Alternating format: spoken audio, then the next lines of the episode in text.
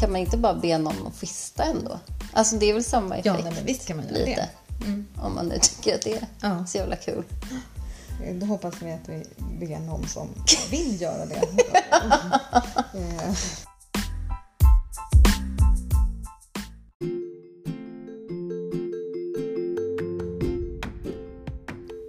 Men hej, där är du ju. Välkommen in till mig. Nu har ju du satt på podden Förlösande samtal med mig Lotta Höckert. Jag är förlossningsförberedande stöd. I den här podden så möter du mig och mina gäster när vi pratar om eh, graviditeter, förlossningar och eh, föräldraskap. Om du känner ett trängande behov av att komma i kontakt med mig så kommer du efter den här podden att kunna höra var du når mig någonstans. Efter det så kan du kontakta mig hur och när du vill och ställa vilka frågor som helst. Nu börjar i alla fall podden, så nu kör vi!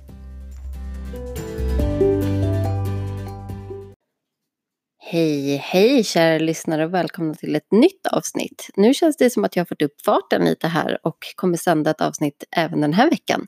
Så som det egentligen är tänkt från början, att jag ska sända ett avsnitt varje vecka och eh, varje söndag framför allt.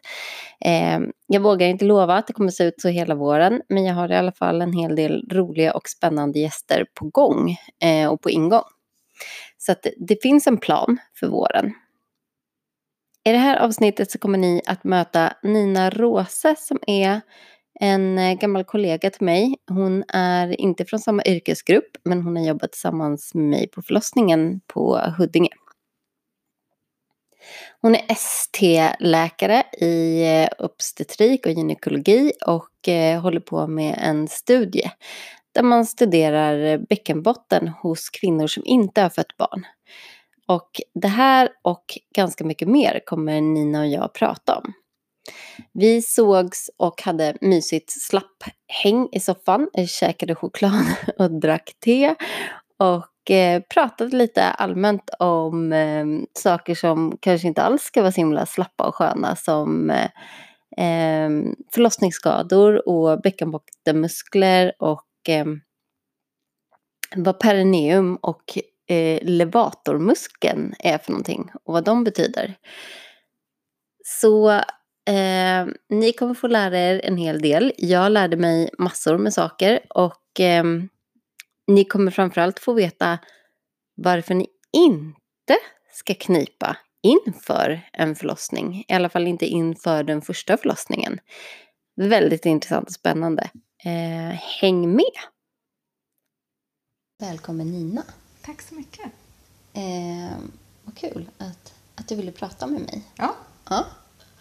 vi hade ju trevligt på en fest. ja. Så då går det ju inte att tacka nej. Och så hade och så har vi en gemensam kompis som råkar vara typ barndomskompis till dig. Då var, var, Ja. fick jag också en in. Ja, Men så har vi jobbat ihop. och så har vi jobbat ihop. Mm, Lite grann. Mm. Mm. Du är... Jag är ST-läkare Ja. i obstetrik och gynekologi, det vill säga förlossningsvård och gyn Just det. på Karolinska Huddinge. Mm. Så du hänger mycket ner på... Jag brukar alltid tjata om det i den här podden och på alla andra ställen. Att ni, de läkarna som vi säger på förlossningen, är våra läkare. Mm. Mm. Och sen så har vi också barnläkare och narkosläkare. Men det är inte våra läkare, säger vi, inte vi på förlossningen. Utan vi säger det om obstetriker och gynekologer. Liksom. Ja, så är det ju. Mm. Ja, men eh, jag är ju eh, intresserad av allt som har med graviditeter och föda barnande att göra. Men framförallt så har, håller du också på med en, en studie som inte är klar. Mm. Som du håller på med. Så Ja. att vi har ju inga resultat än. Nej, men vi får väl göra en uppföljande podd. När, när du har fått resultat. Ja. Men det är en intressant och viktig studie, tycker jag och många med mig. Ja, precis. Det jag gör är att jag gör 3D-ultraljud på bäckenbotten hos kvinnor som inte har fött barn. Mm. Eh, först så tänkte vi att det skulle vara kvinnor som inte har fött vaginalt men nu så tittar vi på de som inte har fött barn alls. Och för att... heller. Nej, men därför att vi vet att många symptom eh, eh, hör ihop med bara att ha varit höggravid. Mm. Både kanske ha med tyngden att göra och kanske med eh, och med hormoner att göra som man har under graviditeten, att det kan påverka. Just det. Alltså att kvinnor som har fött barn med kejsarsnitt till exempel så är Mm. det ungefär 17 procent som har ansträngningsinkontinens, det vill Mm. säga kissa på sig när man eh, eh, går på någon intensivpass och hoppar och sådana saker. Och då har det alltså inte med någon slags muskelbristning under, under förlossningen att göra, Det utan har det har liksom med själva graviditeten att har haft göra. en vaginal förlossning. Precis. Eh, Och då vill ni studera kvinnor som inte har fått barn för att ha någon slags status quo. Liksom Ja, veta men vad som precis. är Alltså normalt eller, eller grund. Ruta ett liksom. Ruta, eller, det är verkligen inte ruta ett. Det är också en sak eh, som jag har märkt att många tror att vi inte alls vet hur muskler går eller vi ska hitta nya muskler och så. Det är ju inte på det viset. Nej. Det, det kommer inte Nej, göra. det har ni full koll på. Eh, vad vi vet idag. Man ska ändå ha respekt för att vetenskapen utvecklas. Men vi tittar på alltså volymen av mellangården. Mm, Där, där musklerna möts just det. mellan vagina och ändtarmsöppningen.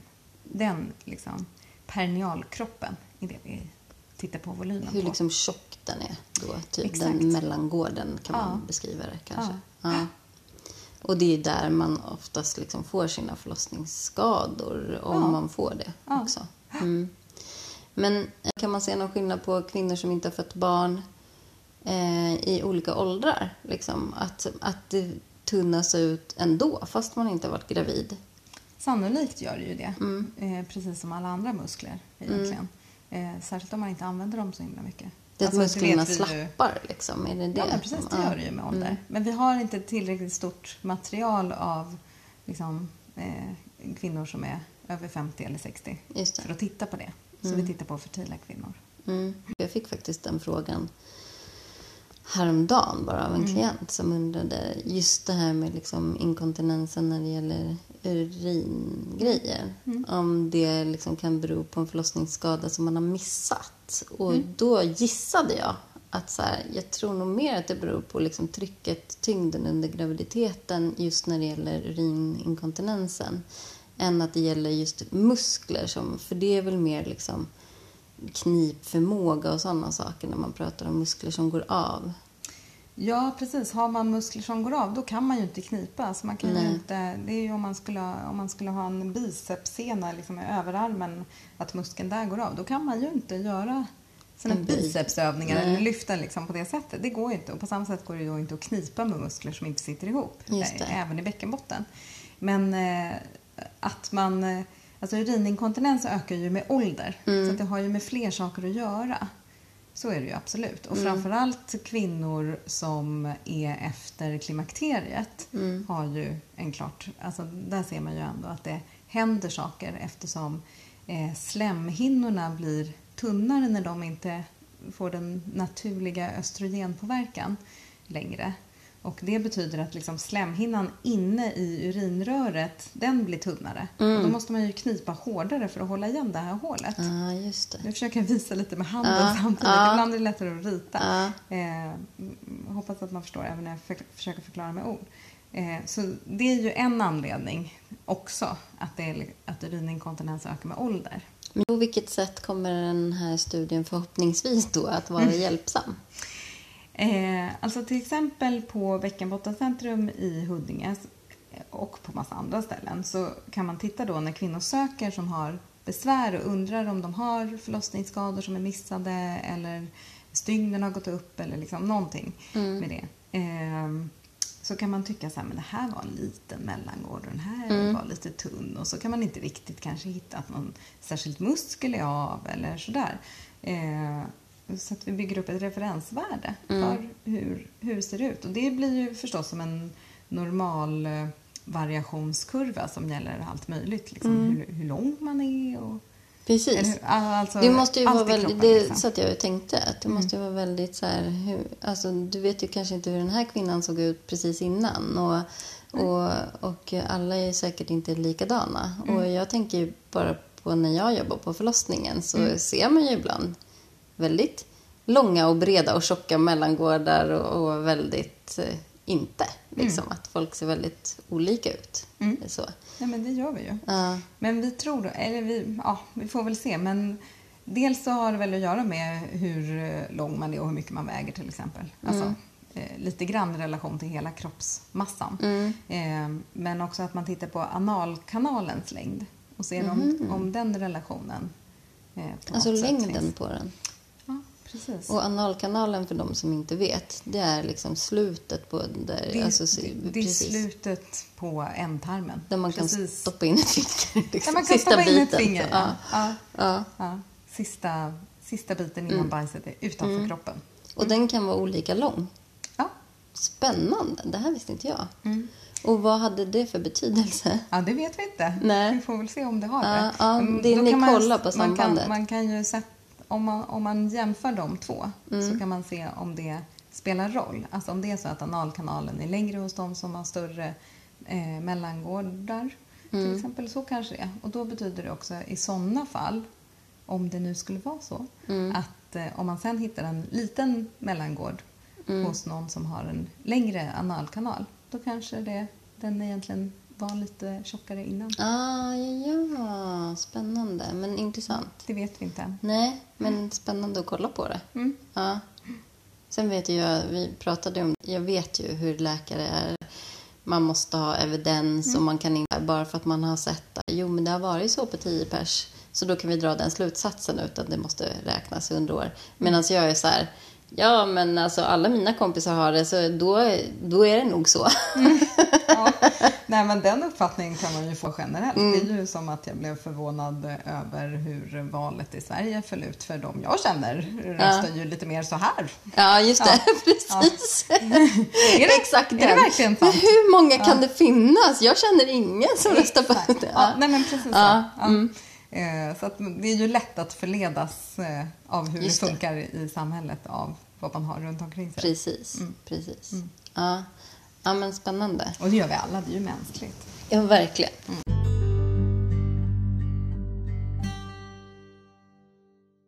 Det här med perineum, som vi, vi kallar det, som, som mellangården. Det är mycket nu för tiden att folk är rädda för förlossningsskador. Och eh, jag som jobbar med det kan ju känna så här. Det lär ju inte vara så att vi får fler förlossningsskador nu för tiden än för 30 år sedan. Utan snarare tvärtom. Att vi liksom är bättre på att förebygga det och framförallt bättre på att upptäcka det.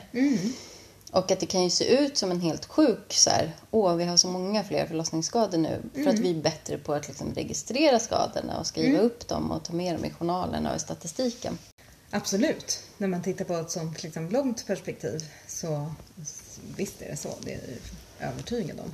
Och framförallt tror jag också mycket bättre på att liksom, ja, men hitta dem och åtgärda dem. Hitta dem och åtgärda dem direkt. Och det är ju också bästa, eh, eh, bästa prognostiska faktorn. Alltså Mm. Det är ju mycket bättre att man hittar en sfinkterskada på förlossningen Mm. och suturerar den innan patienten går hem.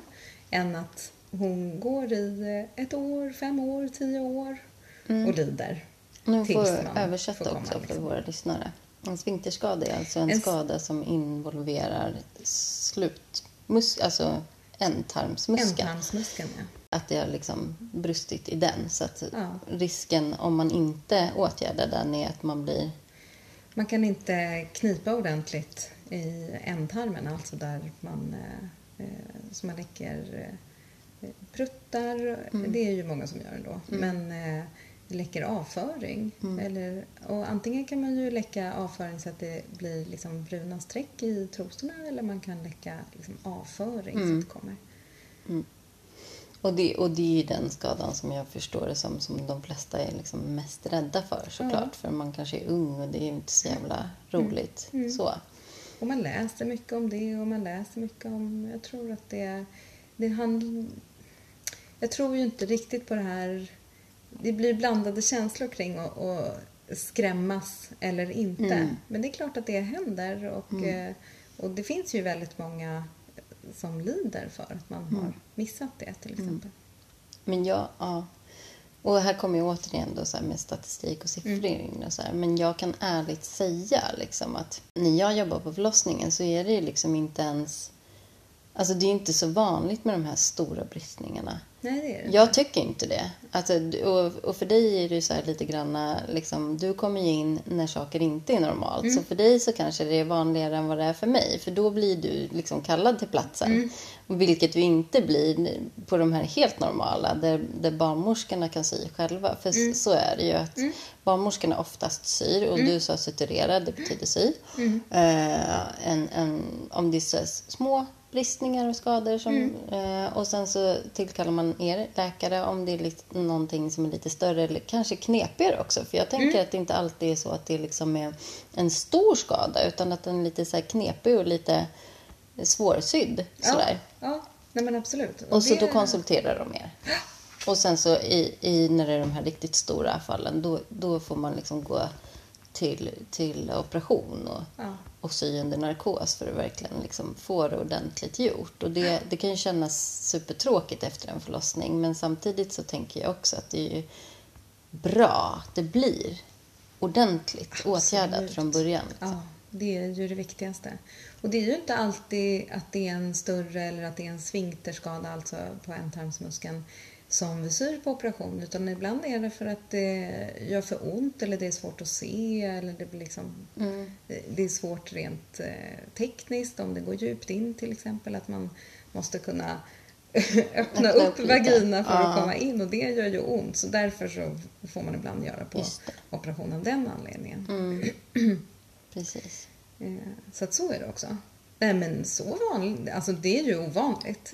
Det är ju inte det Ja, vanliga jag tycker att det är väldigt ovanligt att det är liksom så stora grad 4-bristningar. Liksom. Jag tycker inte jag ser Alltså, det. grad 4 är ju väldigt ovanligt. Mm. Eh, och det ska man väl också komma ihåg att det finns olika grad av det här. Mm. Eh, och man, för jag upplever ju, och det är ju inte ett dugg konstigt, men om någon får höra att de har fått en eh, skada på ändtarmsmuskeln Mm. så kan man ju få panik. Det kan jag ju förstå. Det här var ju det vad jag var så rädd för. Mm. Och helvete, hur gick det till? Är det barnmorskans fel? Mm. Eh, och så Precis. vidare. Mm. Eh, och då får man ju också komma ihåg att ibland är de ju inte...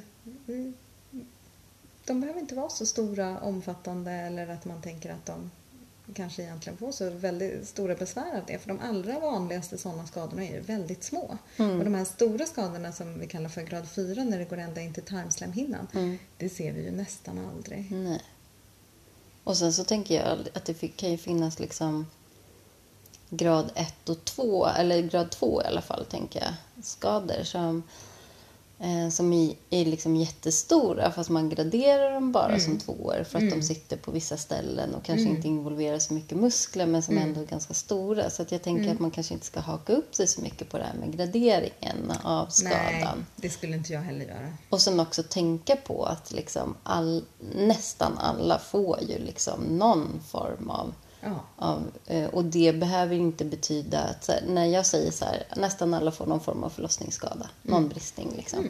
Så låter ju det som att så här, det är omöjligt att föda vaginalt för jag kommer ju bli helt förstörd liksom.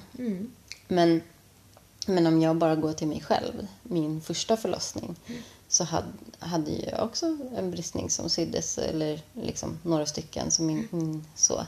Men det var ju liksom, alltså det var väl grad två tror jag.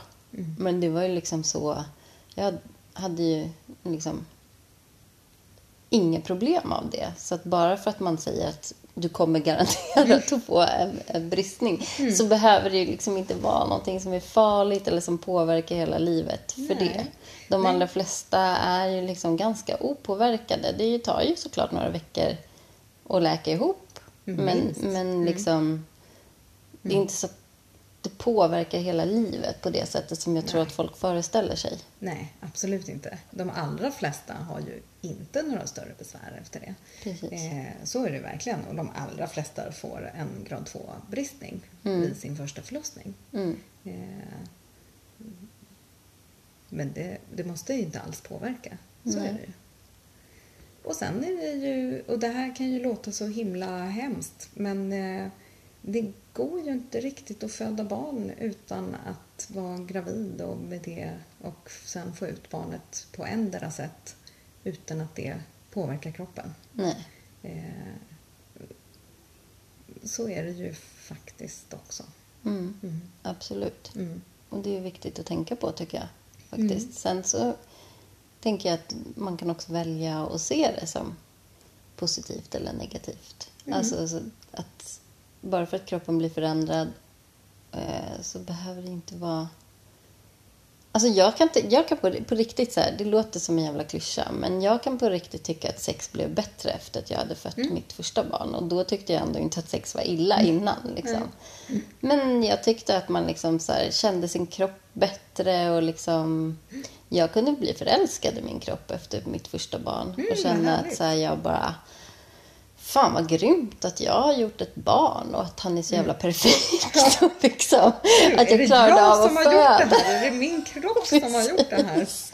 Hur gick det Ja, till? helt sjukt verkligen. Ja. Eh, och att det, så här, att det kändes så här vuxet och moget och liksom att jag bara, fan vad jag är grym och så här, eh, och liksom hy- hylla kvinnligheten Mm. mycket. Så här, ehm, men här ska du få en present. Jag ger dig en orgasm Ja. kroppen för att du var så duktig. Liksom. Precis, det är väl det minsta man kan få Eller som hur? tack för det där. Ja.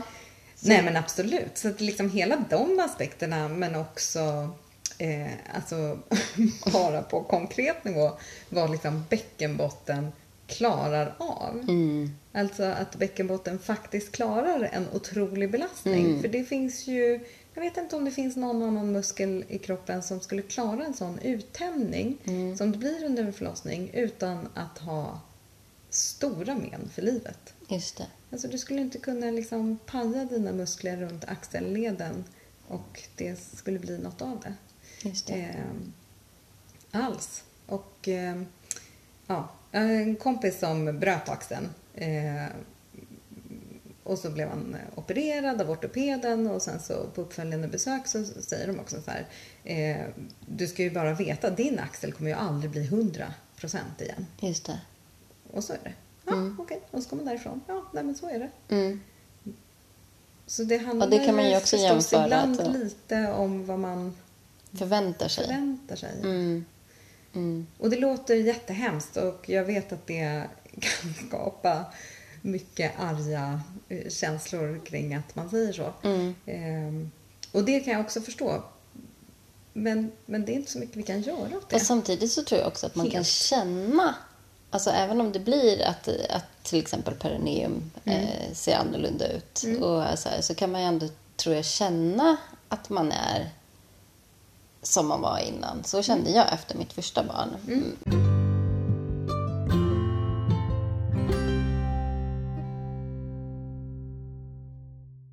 Kommer vi till det lite intressanta. För att just det här när du pratar om bäckenbotten och man pratar om muskler och man pratar om knipövningar och så här. För att jag hade ju efter mitt första barn så gjorde jag skitmycket knipövningar för att det hade jag hört att man skulle göra. Och eh, jag hade inte gjort det innan och inte under graviditeten heller. Eh, kanske så när jag blev gravid med mitt andra barn sex år senare så tänkte jag att eh, fan, det här kommer att bli bra för jag har ju knipit så jävla mycket. Men ändå så kände jag en sån fruktansvärd så här, tyngdkänsla och jag kände liksom hur musklerna i, i bäckenbotten liksom inte var vad de skulle vara. Jag bara, det här är inte bra. Och det var ganska Var det tidigt. under graviditeten? Mm. eller? Det var ganska tidigt i graviditeten också. Eh, nu är det lite speciellt, tror jag. För att jag blev ju också, det var ju en IVF-graviditet och jag blev lite, lite, lite lätt överstimulerad under, med hormoner. Och då kan man ju bli lite så svullen och tung i magen. Liksom. Men, men jag kände liksom ganska, ja men sådär kanske vecka, runt vecka 12-13 att så här, det, det här är väldigt tungt. Sen hade jag i och för sig tack och lov inga problem med liksom inkontinens eller så under graviditeten heller. Men, men jag kände att den här tyngdkänslan mycket, mycket tidigare än vad jag gjorde i min första graviditet. Och så kom jag att tänka på att så här, jag kanske inte ens har tränat. Jag tror att jag har tränat min bäckenbotten, men jag tror inte jag har det. Utan jag kom fram till att jag har nog tränat så här knipmusklerna, liksom, den yttre, precis i slidan, liksom, mer. Så att det är svårt att hitta liksom, vad är bäckenbottens muskulaturen? Vad är det jag ska träna? Alltså jag tror ju i och för sig då inte att tyngdkänslan är så relaterad till musklerna och hur man kniper. Alltså man kan inte träna bort en tyngdkänsla. Men däremot så hade det ju varit, eftersom du hade fött barn en gång så har alla bindvävar en gång varit mer uttända. Mm. Och då blir de ju lättare det igen. Och det är ju lättare för folk att se på magen. Mm. Alltså att man tidigt under sin andra eller tredje graviditet tycker att det putar jättemycket mer Mm, än vad tidigare, gjorde liksom. första. Mm. Och det är ju för att med första barnet då har magens eh, eh, bindvävshinna den, aldrig varit så uttänd. Men när du är gravid en andra eller tredje eller femte gång då har den ju varit stor en gång. Och Just den det. drar inte ihop sig på samma sätt. De, de har inte den förmågan. Och därför så putar också magen mer. Mm. Och mycket möjligt är det liksom samma känsla fast i bäckenbotten. Ja, att det blir precis. liksom tyngd neråt. Ja. Att det inte liksom håller ihop på samma sätt. Precis. Ehm, Men när man kniper det här som du frågar om, vad är det man kniper? Mm. För man kniper ju ofta lite i hela bäckenbotten. Man kan fokusera lite grann. Men vi har ju, för nu har vi mest pratat om de allra ytligaste musklerna, de som vi också graderar, i alla fall i dagsläget. Just. Eh, utan vi har ju också den här skålformade muskeln som sitter några centimeter upp i kroppen, som kallas för levatorn. Mm. Och den kniper man ju också med när man kniper. Och hur sitter den? Den sitter liksom Den upp? sitter som en liten skål och eh, ett par, ett par centimeter djupare in i kroppen än de här allra ytligaste musklerna. Mm. Eh, och, så kan man, och när man kniper så att det blir fokus på den, då blir det ofta att man kanske beskriver det som att man så suger upp mot naveln. Just det. Rotlåset, om man Just går på det. yoga till exempel. Mm. Och sen en del kan liksom fokusera som en dragkedja, att man så ska försöka börja bakifrån och knipa med ändtarmen och liksom röra sig framåt. Mm. Så att man kan, det är klart att man kan särskilja lite grann. Men det är också väldigt svårt att knipa med bara en liten del av Ja. muskeln och inte någon annan. Just det. Så de hänger ihop, alla musklerna liksom. Ja. Mm. Och så möts ju många av dem där i perinealkroppen också. Mm. Så då drar de ju i varandra. Ja, just det. Bara av det förstås också. Mm. Mm. Men när man pratar om liksom bäckenbotten, Mm. vad är det egentligen? Det är en samling bindväv och muskulatur eller vad, vad är bäckenbotten liksom? Precis, det är allt som är här. Mm. Eh, Så det är bindväv och muskulatur och så kan man ju ta med alla slemhinnor och svällkroppar och Mm. så också i det. Som sitter liksom i Blodkärl och bäckenet nerver. då? Ja, I som liksom- sitter i bäckenet. Mm. Och organ. Mm. Mm. Ja, och det tänker man ju att det är ett det är ett slitage att vara gravid liksom, som ska Ja. hålla upp hela den här graviditeten som är mycket tung. Liksom. Ja. Men jag tänker också att det här med till exempel eh, ansträngningsinkontinens, eh, det vill säga det här att man läcker urin när man eh, springer eller hoppar eller Mm. skrattar. För där ser vi att män har lägst risk att få det Mm. och sen kvinnor som aldrig har fött barn och sen kvinnor som har fött barn med kejsarsnitt och sen kvinnor som har fött barn vaginalt. Mm. Då kan man ju också se att det, liksom, eh, det är olika nivåer av det här. Det finns flera saker som påverkar. Mm.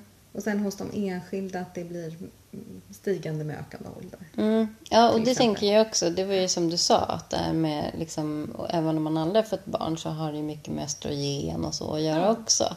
Och då tänker jag att även om man inte har några problem efter att man har fått barn och kanske de närmaste åren så kanske det kommer liksom med Senare. åldern. Ja.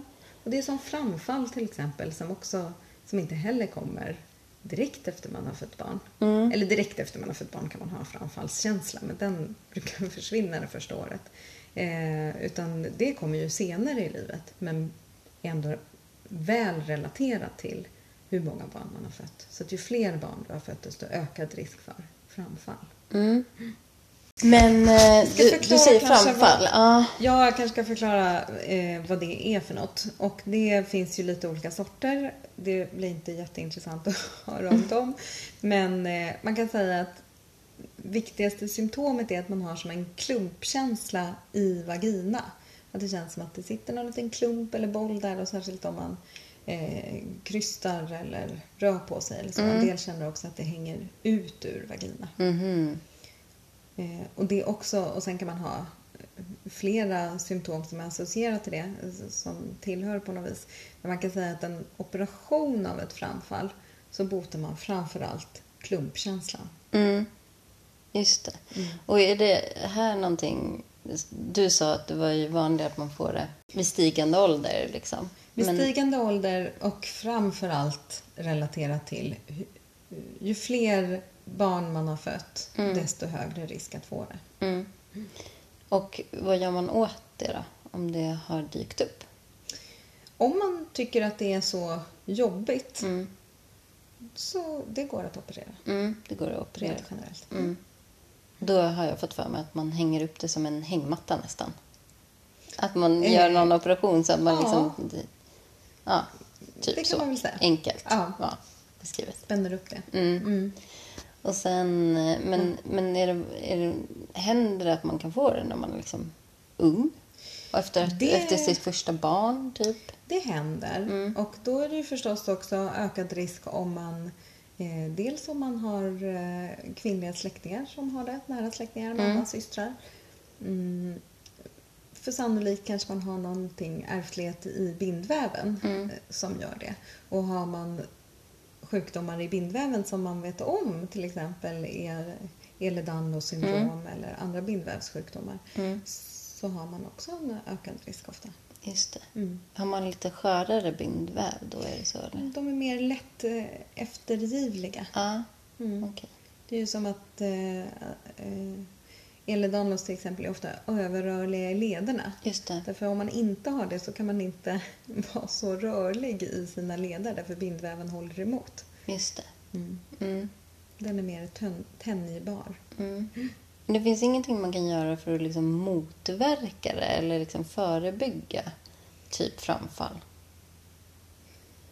Inte föda barn kan man ju låta bli att göra. Ja. Alltså alls. Eh, Men är ju knipövningar och sånt, det hjälper inte med det? Nej, men precis. Nej. Nej. Nej.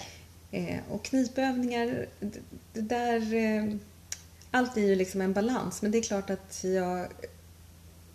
Generellt så är det väl ett eh, väl positivt snack om knipövningar, Mm. tycker jag. Mm. Eh, som, där man tycker att kvinnor hela tiden ska knipöva och har man några problem så ska man knipöva. Och har man problem fast man har knipövt så är man nog lite dålig på att knipöva eller man har inte gjort det rätt. Och där i ligger jättemycket skuld och skamkänsla för kvinnor. Mm, det. Eh, det, märk, det märks ju, tycker jag. Många som kommer som eh, har dåligt samvete för jag har nog inte knipt ordentligt. Och sen så har jag också sett nu att det är många som eh, knipövar mycket fast de inte har fött barn eller när man är gravid. Mm. Och kanske få höra eller läsa att det måste man göra för annars kan man brista mer eller Mm. just sen blir det problem sen och så. Mm. Och då så försöker jag säga att vi vet inte om det verkligen är bra.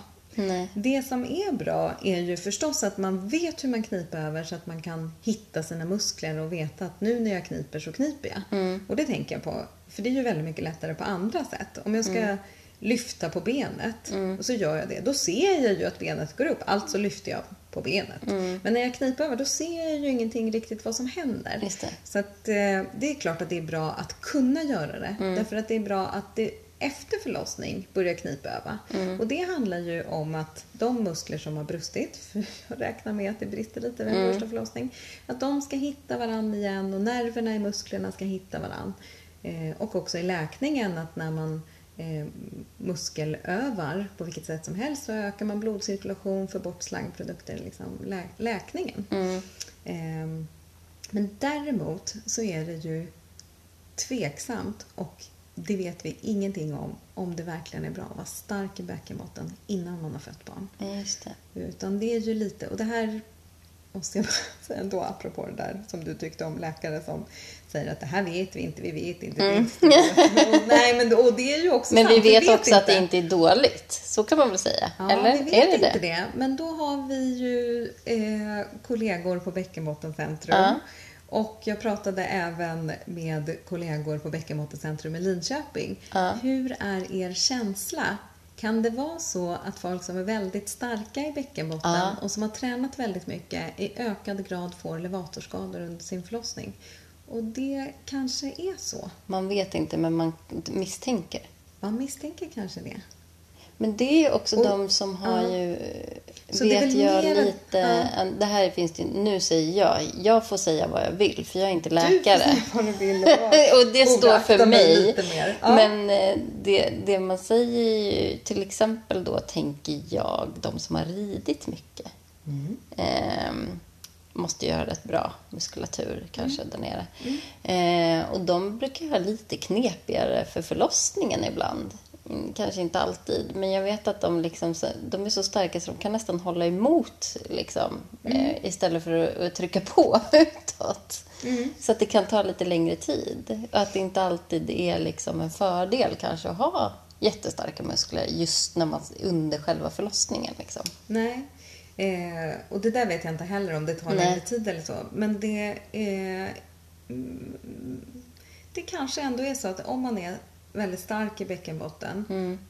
och det kan man också lätt föreställa sig. Jag tänker att en muskel som är väldigt stark och som sen får ett mottryck mot sig, Mm. då blir det lättare för den att brista. Så jag tänker te- rent teoretiskt är det För att det finns det mer helt muskelfibrer kanske som kan brista, eller?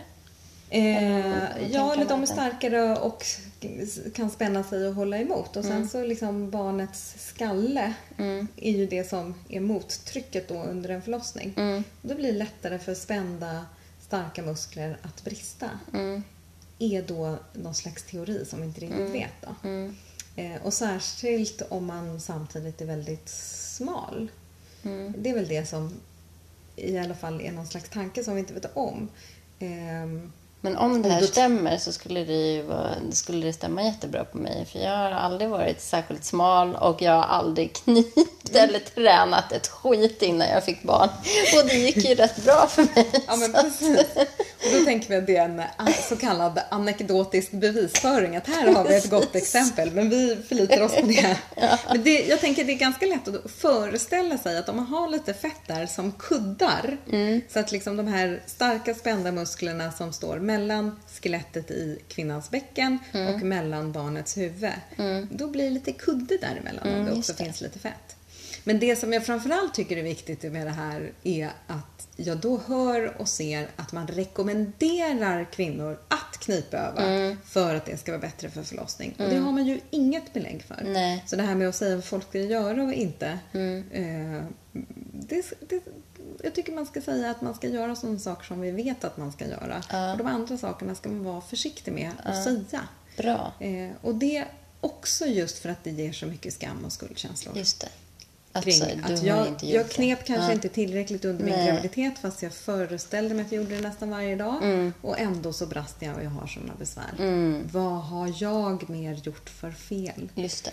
Och det. Och det kan vara liksom helt ärftligt eller liksom en... en eh, Eller otur. Eller att man Ja. inte skulle knipa som Precis. man hade Precis. trott att man skulle.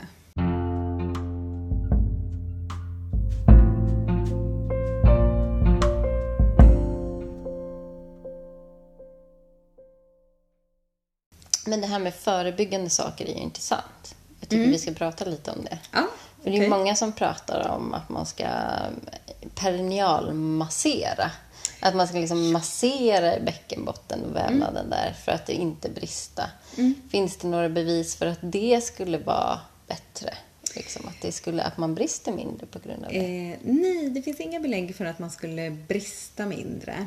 Eh, eller att det är mindre risk för att man eh, behöver använda en sugklocka till exempel. Eller sådana saker. Det finns någon studie som visar kanske en minskad risk för klipp. Alltså att man ska klippa i förlossningen.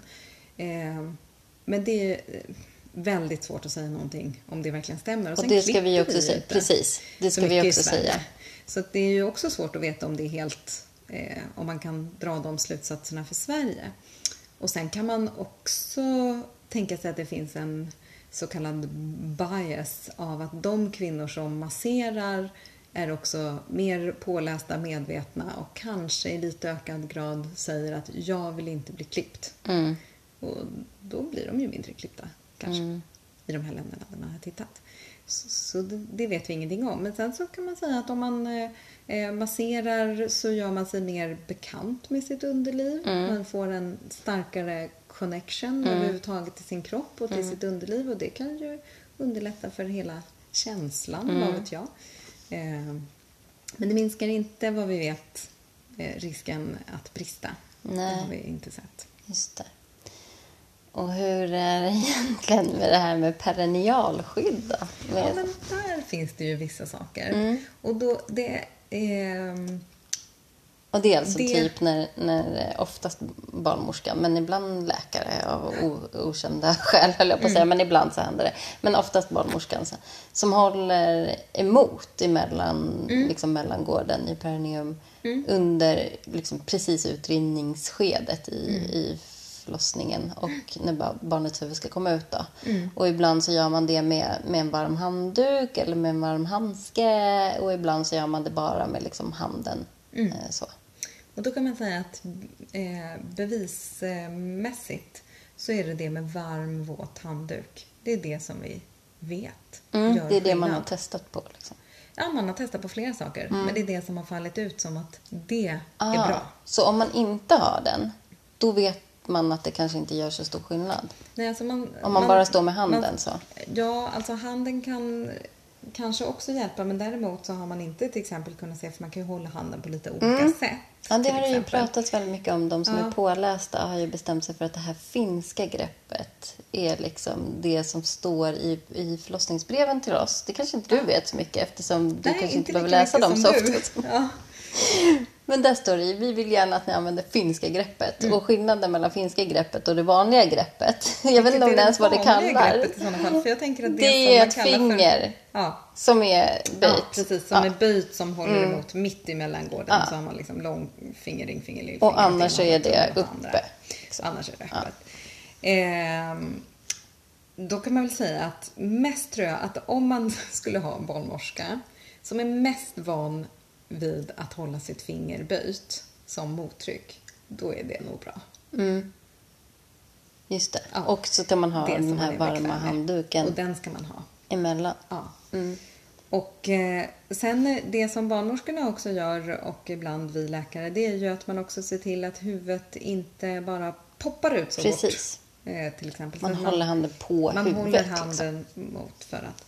Och sen så har vi ju också någonting nu som vi kallar för tvåstegsframfödande. Just det. Eh, där man, eh, så att huvudet kommer ut på en verk och sen kommer axlarna och kroppen på nästa verk. Just det. Och ibland så har man ju bråttom också. Mm, Eh, så att man inte kan... Eh, så att barnets välmående går före bäckenbotten. Mm. Men då säger man generellt så vet vi att det är så att om det går väldigt fort Mm. så, så finns det en risk att, Mm. att det brister mer då. Mm. Eller att man får större bristningar. Och går det också väldigt långsamt så finns det också ökad risk för till exempel levator. Den här lite inre skålformade. Mm. Så det ska ju gå, allt ska vara Lagom. så himla lagom. Det är ju, lagom är bäst. Men då tänker jag så här, ehm, som en liten motgrej till det. För det som jag har sett, återigen, bara så här som jag har sett helt. Eh, de som föder jättefort, som kanske föder hemma för att det går så jävla fort. Liksom, de har ju väldigt sällan skador tycker jag. Och, och det går väldigt så här, eller liksom stora skador. Och det går oftast så himla bra i de förlossningarna tycker jag. Alltså så här, barnet mår bra, mamman mår bra. Är chockad såklart. Men, det går, men det går väldigt bra liksom. Ehm, och det tänker jag blir lite som en motpol då. Till det, så att det, Ja, nej men alltså det är, ofta för bäckenbotten så är det ändå bra att det inte går för fort, har man sett. Eh, så lite lagom. Mm.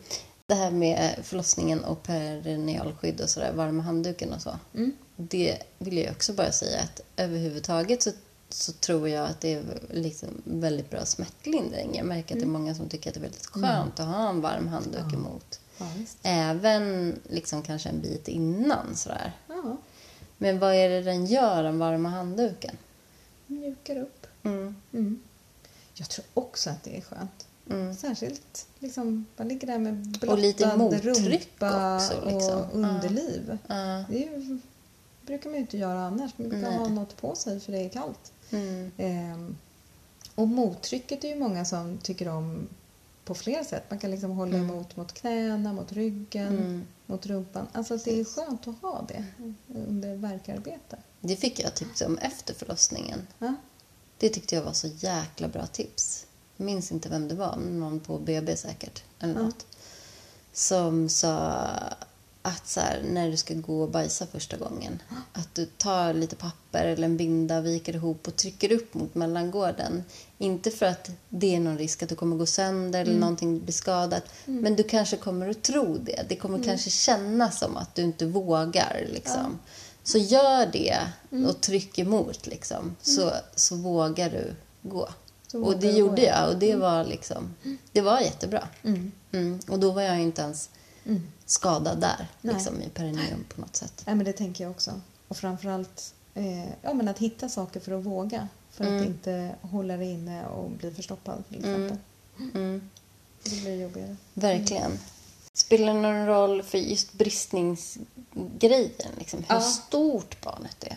Vet, ja, man det? det Mm. vet vi. Eh, och det är ju inte heller så konstigt. Nej. Eh, alltså är det ett större barn så, eh, och framförallt då huvudomfånget Mm. eh, så är det ju ökad risk för bristning. Mm. För det jag, jag... När jag tänker på bristningar och när folk frågar mig om det och är oroliga för det så tänker jag så här. Ja, det finns ju de här riskfaktorerna. Eh, faktorerna. Och sen så som du säger, att bara föda barn är ju liksom en garanti för att så här, det kommer inte bli riktigt som det var ändå. Eh, även om man, som jag då, liksom inte ändå har, har känt av det eh, så mycket. Det är ju så, men jag, det har inte... För jag var inte så jävla vältränad innan heller. Liksom. Men... eh, Du tänker ju att det var det. Ja, precis. Men, men då så känner jag liksom att... att jag tänker att det är så alltså Jag har ju sett folk på förlossningen som har fött små så här, två kilos pluttar som har fått stora bristningar. Och kanske utan att det har gått fort. Och jag har sett folk som har fött fem kilos klumpar som liksom inte har haft en enda bristning. Och sen så har jag sett kvinnor som har liksom jätteskör vävnad där man ser att det liksom till och med är svårt att sy efteråt. För att det liksom, eh, och, och också har jag sett eh, liksom upprepade, alltså de kvinnor som har haft liksom skör vävnad och, och kanske brustit mycket eller haft lite knepiga bristningar eh, i första förlossningen också har det i andra förlossningen. Så att det är liksom individuellt så. Medan en del som föder barn och kanske till och med en lång förlossning eller en jobbig förlossning och sen så efteråt så ser man knappt att de har fött barn. Det är liksom som att hela vävnaden bara går tillbaka igen. Så jag tänker att det är säkert mycket individuellt också.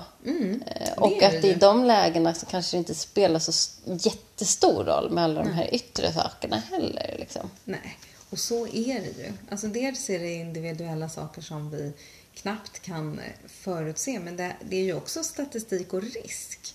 Och det, det blir ju väldigt skillnad, för att om man säger att Nej, men du har ingen särskild risk här, du har ingenting att oroa dig för, men om det händer en enskilda så har det ju hänt henne. Det spelar ingen roll att det var en jättelåg risk. Eller tvärtom. Så här, nu, det här, här har vi en riskförlossning och det kan ju vara risk. Riskförlossning kallar vi ju egentligen för något annat oftast än Ja. de här bristningarna. Men om man tänker eh, risk för större bristningar och besvär och så får hon inte det, då har ju hon inte fått det. Då spelar det ingen roll för henne att man var orolig för att det skulle bli Precis. något farligt. Precis. Utan det handlar ju just om liksom, befolkningsnivå. Mm. Det är ju som att eh, nej, men jag röker och jag får ingen lungcancer och hjärtinfarkt. Alltså är det bra att röka. Mm. Det kan, Ja, så kan man ju inte heller säga. Men, Nej. men, men vad bra. Ja, vad kul för dig. Vad kul för dig. Ja. Jag hoppas att du inte får det heller. Ja, precis. Ja.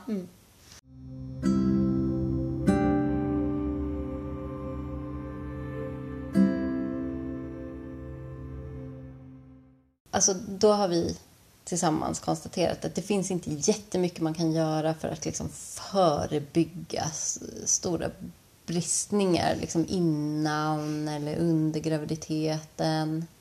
Det nu har vi sett de här förstås- ballongerna också som man kan Ja. blåsa upp i. Ja, Stoppa in och blåsa upp. Jag Ja. tänker att det inte ens är det Pumpar området som är liksom mest vidgat. Nej.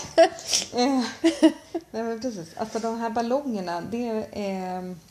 Den här typen av kunskap når mig eh, inte jätteofta Nej. alltid, men det blir intressant när det poppar upp. Ja. Eh, Så just de här ballongerna är ju lite intressanta och på sätt och vis lite sorgliga. De är ganska dyra. Man kan säga så här, det finns, eh, det finns ett par studier där man själv har, där eh, företagen själva har undersökt och eh, kvinnor som har köpt dem har känt sig nöjda. Mm.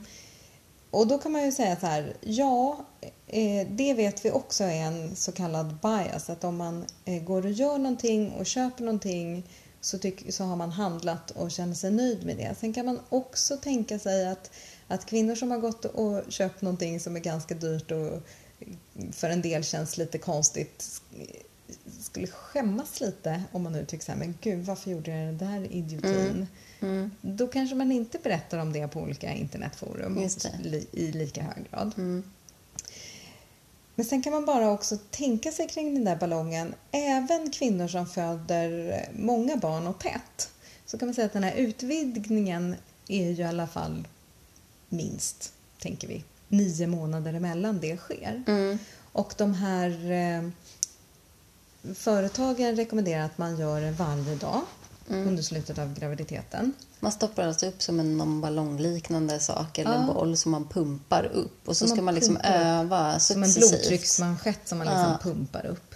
Och så ska den bli liksom större och större och jag, vad jag förstod det som så skulle den vara liksom typ som 10 centimeter i diameter som störst. Mm. Och så ska man liksom öva då på att... Ja. Ja. Och det kan man ju tänka bara i situationen skapar ett visst obehag att göra detta. Mm. Ehm, och sen rent muskelmässigt, det här är ju eh, fysioterapeuternas eh, område. Så att jag pratade med en Mm. som har tittat på det här också. Som föreställer sig att liksom, tändning av muskler eh, man blir ju inte vigare av en sån vanlig kortvarig stretching till exempel. Men de här hävdar ju att man ska göra det ungefär vad är det, en kvart, 20 minuter Mm. åt gången. Och eh, att det ändå finns en, ja, kanske kan man tänja musklerna på det sättet. Mm. Men det man får fråga sig lite är ju, vill vi ha en allmän tändning av bäckenbotten? Nej. Alltså det är ju lite det vi har pratat om att eh, eh, den ska ju inte vara så tänd i Nej. vanliga fall. Och ju fler barn man hade fött, det vill säga ju fler gånger det har varit så där tänt så ökar risken för framfall i Mm. livet. Och det finns ju, för, finns ju inga långtidsstudier på de här ballongerna. Ehm, om det till exempel Jag tycker att det verkar så risken för fett oskönt som du säger också. Liksom. Ja, alltså bara när man är... Och sen så tänker jag så här rent nu sticker jag ut hakan, men kan man inte bara be någon att fista ändå? Alltså det är väl samma effekt? Ja, nej, men visst kan man göra lite. det. Mm. Om man nu tycker att det är Ja. så jävla kul. Eh, Då hoppas vi att vi ber någon som vill göra det. Eh, Ja, om man Ja. tycker om det så absolut. Men jag tänker bara att det är lite samma. Framförallt så skulle man ju då vilja att den hade haft den önskvärda effekten, det vill säga minska risken för bristningar och det Mm. verkar ju inte göra. Nej. Så här eh, efter, efter en förlossning då. Mm. Hur, hur fort ska man liksom... För att jag vet ju också att om man ammar till exempel så Mm. kan man ju ha lite sköra slemhinnor och lite så här. Men typ liksom hur fort ska det kännas bra igen? Kan man säga liksom om, om efter ett halvår om det fortfarande gör väldigt ont och stramar och så här, är det, eller ska man vänta ett år eller liksom vad, finns det någon så här, när ska man gå tillbaka och säga jag tror att det är något fel? Eh, man kan ju alltid prata med någon inom vården för att det är alltid skönare istället för att gå med den ångesten. Mm. Eh, men har man till exempel ont eller man eh, läcker urin eller vilket, tyngdkänsla, vilket man än har, så brukar det allra mesta gå helt tillbaka inom ett år Mm. och efter avslutad amning. Så Mm. vill vi göra någonting operativt Mm. Så vill vi oftast vänta tills, man, tills efter ett år efter senaste förlossning och efter man har slutat amma. Mm. Eh, så båda dem. För att de flesta blir bra, Mm. så det inte behövs. Mm. Men man gör en det ganska återkontroll också. Veta. Ja, återkontroll det gör man ju väldigt tidigt Ja. på mödravården. Precis. Och det tror jag också är väldigt mycket ja, för att det är skönt att prata med Mm. dem och liksom höra. Och då kan man ju också se, är det här är något som vi kanske borde följa och, och då ska, får vi träffas igen om några månader. Mm. Men eh, från mödravården så eh, skickar man ju inte en remiss för någon åtgärd eh, Efter sex två veckor. månader. Nej, Nej. precis. Nej. Eh, Det gör man ju inte. Därför Nej. det allra flesta blir bra. Har man stora besvär av att liksom läcka avföring, Mm. då kan vi göra någonting efter ett halvår. Mm. Ett Så halvår. man kan titta. Mm. Men man kan tänka att det tar eh, rätt lång tid för kroppen att bygga upp hela graviditeten. Mm. Och, och så tar det på ett ungefär lika lång tid att komma tillbaks. Just det. Mm. Och om man nu skulle känna jättemycket besvär och Mm. det är jobbigt efter kanske 8-9 månader, ett år eller sådär när man slutat amma. Mm. Vem kontaktar man då? En gynekolog. Mm. Mm. Man går inte via mödravården då utan man kanske går direkt till en gynekolog. Ja, Känns mest. det tror jag. Mm. För det är också därifrån man går vidare med saker. Och man skriver ut eh, läkemedel och man anmäler för operation. Och man... Mm. Det är klart man kan gå mellanvägen men jag skulle rekommendera att man tar kontakt med en gynekolog. Mm. Och vad är riktlinjerna då? För jag tänker ju så här. För mig så skulle det liksom... mm, Då när, när man åtminstone har slutat amma. Åtminstone då, om inte Mm. tidigare. Att så här, sex ska inte göra ont. Det ska vara, det ska vara skönt Mm. och, och trevligt. Eh, och inte ens innan man har fått barn ska det Nej. göra ont. Men att det liksom inte ska vara jättestor skillnad mot tidigare i alla fall. Och sen att man, att man liksom ska känna sig okej med att kissa och bajsa. Att man ska kunna göra det utan problem. Man ska varken läcka eller ha problem med att bajsa. Det händer ju att eh, en del har ont vid omslutande eller penetrerande sex till exempel efter förlossning. Och det, det är oftast då i den liksom bakre delen av slidmynningen som, som går liksom mot tarmen. Att det känns tajt där och därför gör ont. Eh, och då har jag också sett på sociala medier till exempel att folk får rådet att smörja med bedövningssalva eller någon annan typ av salva. Men det är väl kanske främst det som folk blir arga för, att det är så här, de här dumma läkarna som tycker att man ska bedöva sig bara för att mannen ska kunna få penetrera. Ja, just det. Och det är ju in, alltså inte alls det som det handlar om, utan det måste man ju förklara. Utan dels att det handlar om att ibland så behövs det bedövningssalva, ibland egentligen vad som helst. Eh, mjuka olja, rapsolja, olivolja, eh, mjuk kräm. För att töja lite där bak. Kanske till viss del att det också finns med det här med undvikande beteende. Att våga ha sex. Eh, och få känna att det inte gör ont. För att heller inte spänna sig Just och få ont utav det. Mm. Eh, men, men är det väldigt tajt där bak och man har ont av det, då tycker jag att man ska söka. Det kan man göra tidigt. För, för där kan man absolut göra saker. Och hjälper det inte med att töja och sådana saker så kan man ju också öppna upp lite grann. Mm. Så att det inte är så tajt. Om det är huden eller slemhinnan som stramar. Just det. Det är en enkel åtgärd Enkel åtgärd. ett stort problem. Ja, vad skönt. Mm. Det är skönt att höra. Mm. Men du, tack så jättemycket för prat och kunskap. Ja, men tack Ja. själv. Jag ska ju träffa en fysiolog snart Ja, i och podda. ja Så jag tänker att jag ska fråga om den här ballongen där också. Ja, gjort. Ja, Ja. ha det bra. ja, men du med. Hej. Hej.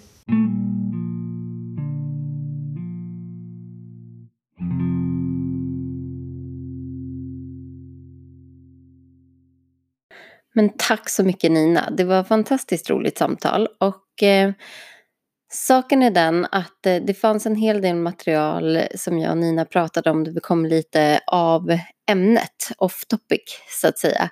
Och eh, jag kanske kommer göra det till ett extra bonusavsnitt lite senare. Det får vi se. Då pratar vi inte så mycket om just det här med förlossningsskador och förebyggande saker och bäckenbotten utan kanske lite grann på ämnet men, men mycket om annat som till exempel mental inställning och eh, hur man ser på livet i, i alla typer av kriser och vad man än kan hamna i för någonting. Men eh, vi får se om det kommer ut. I alla fall så eh, håll till godo med det här avsnittet och, i, och nästa vecka så hoppas jag att ni sitter och lyssnar igen för då är jag på gång en gång till. Ha det så fint, ta hand om er och eh, ha en fantastisk sportlovsvecka ni som har det här i Stockholm.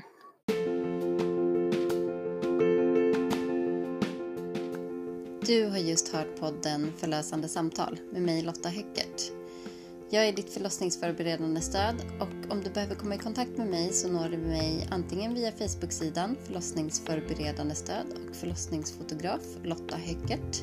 På Instagram heter jag förlossningsförberedande understreck stöd Lotta Höckert utan några prickar.